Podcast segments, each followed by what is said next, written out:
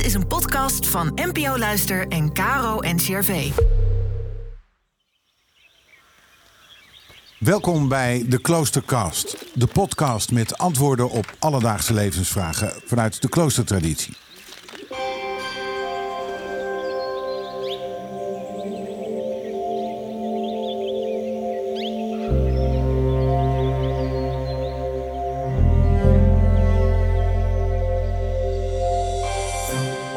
In deze aflevering horen we broeder Joost Jansen. Hij is Norbertijn van de abdij van Berne te Heeswijk. Deze kloosterorde leeft volgens de regel van Augustinus. Onlangs moest hij met bloedend hart de beslissing nemen de abdijwinkel te sluiten. Dat brengt hem bij de vraag: hoe neem je goed afscheid?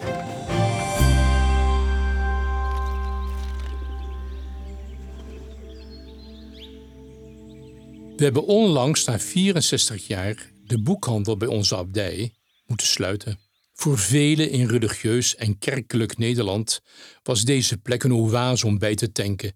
Een breed aanbod aan boeken en allerlei kloosterproducten uit binnen- en buitenland. En niet te vergeten het Berne abdijbier in vijf soorten. Economisch was de winkel niet meer rendabel.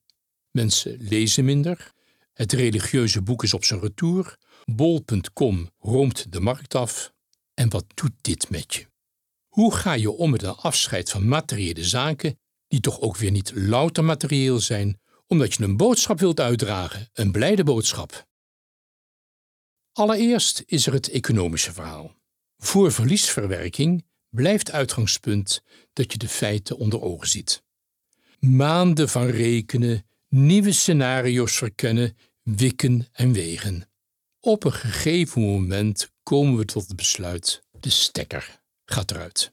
Een tweede fase treedt in. Goede zorg voor het personeel. Niet alleen financieel, maar ook emotioneel. Ze hebben met hun hart gewerkt.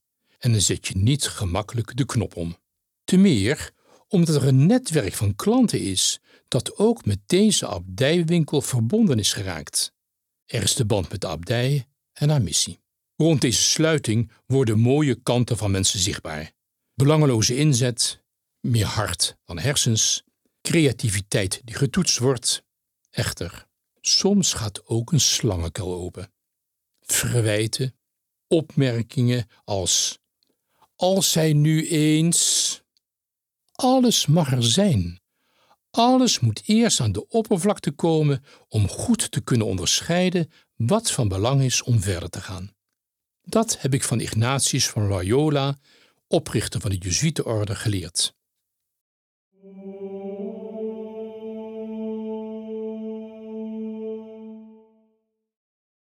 Ik wil niet verhullen dat er soms ook woede in mij opkomt. Ik ben geen engel die alles gelijkmatig oppakt. Woede om de trend in onze maatschappij om maar snel te kiezen voor wat bij een ander net even goedkoper is, of sneller of gelikter. Dan ben ik blij dat we tijdens het getijdengebed in onze abdijkerk mij met het zingen van de psalmen woorden in de mond worden gelegd waarmee ik mijn woede kan uiten. De vloek mogen hem als een mantel omgeven, als water zijn lichaam binnendringen, als olie in zijn gebeente. Zo bid ik in Psalm 109. En de psalmist gaat verder: Zo mogen de Heer mijn beschuldigers treffen en allen die kwaad van mij spreken.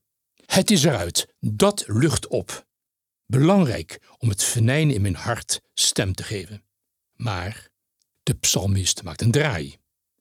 Maar gij, Heer, mijn God, sta mij bij om uw naam. Red mij door uw milde ontferming.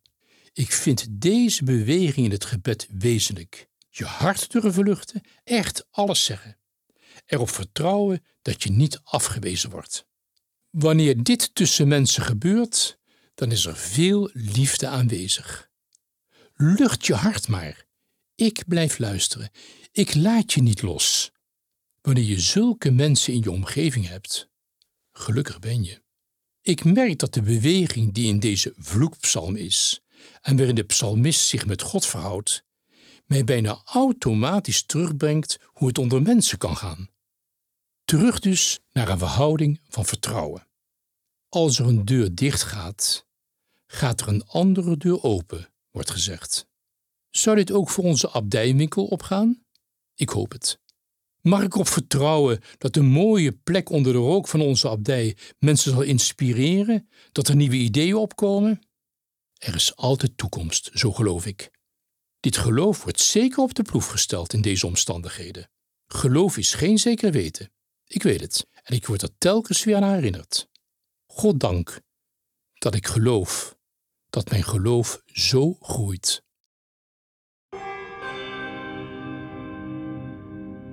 Eeuwige, ik blijf uitspreken dat onze toekomst in uw handen ligt, hoe lastig dit soms te dragen valt. Laat nieuwe ideeën op ons los en verruim ons hart om ermee om te gaan. Wat kunnen we van de dieren leren? Op Werelddierendag stelt zuster Rebecca Brown, abdis van het Clareerse klooster in Megen, zich die vraag.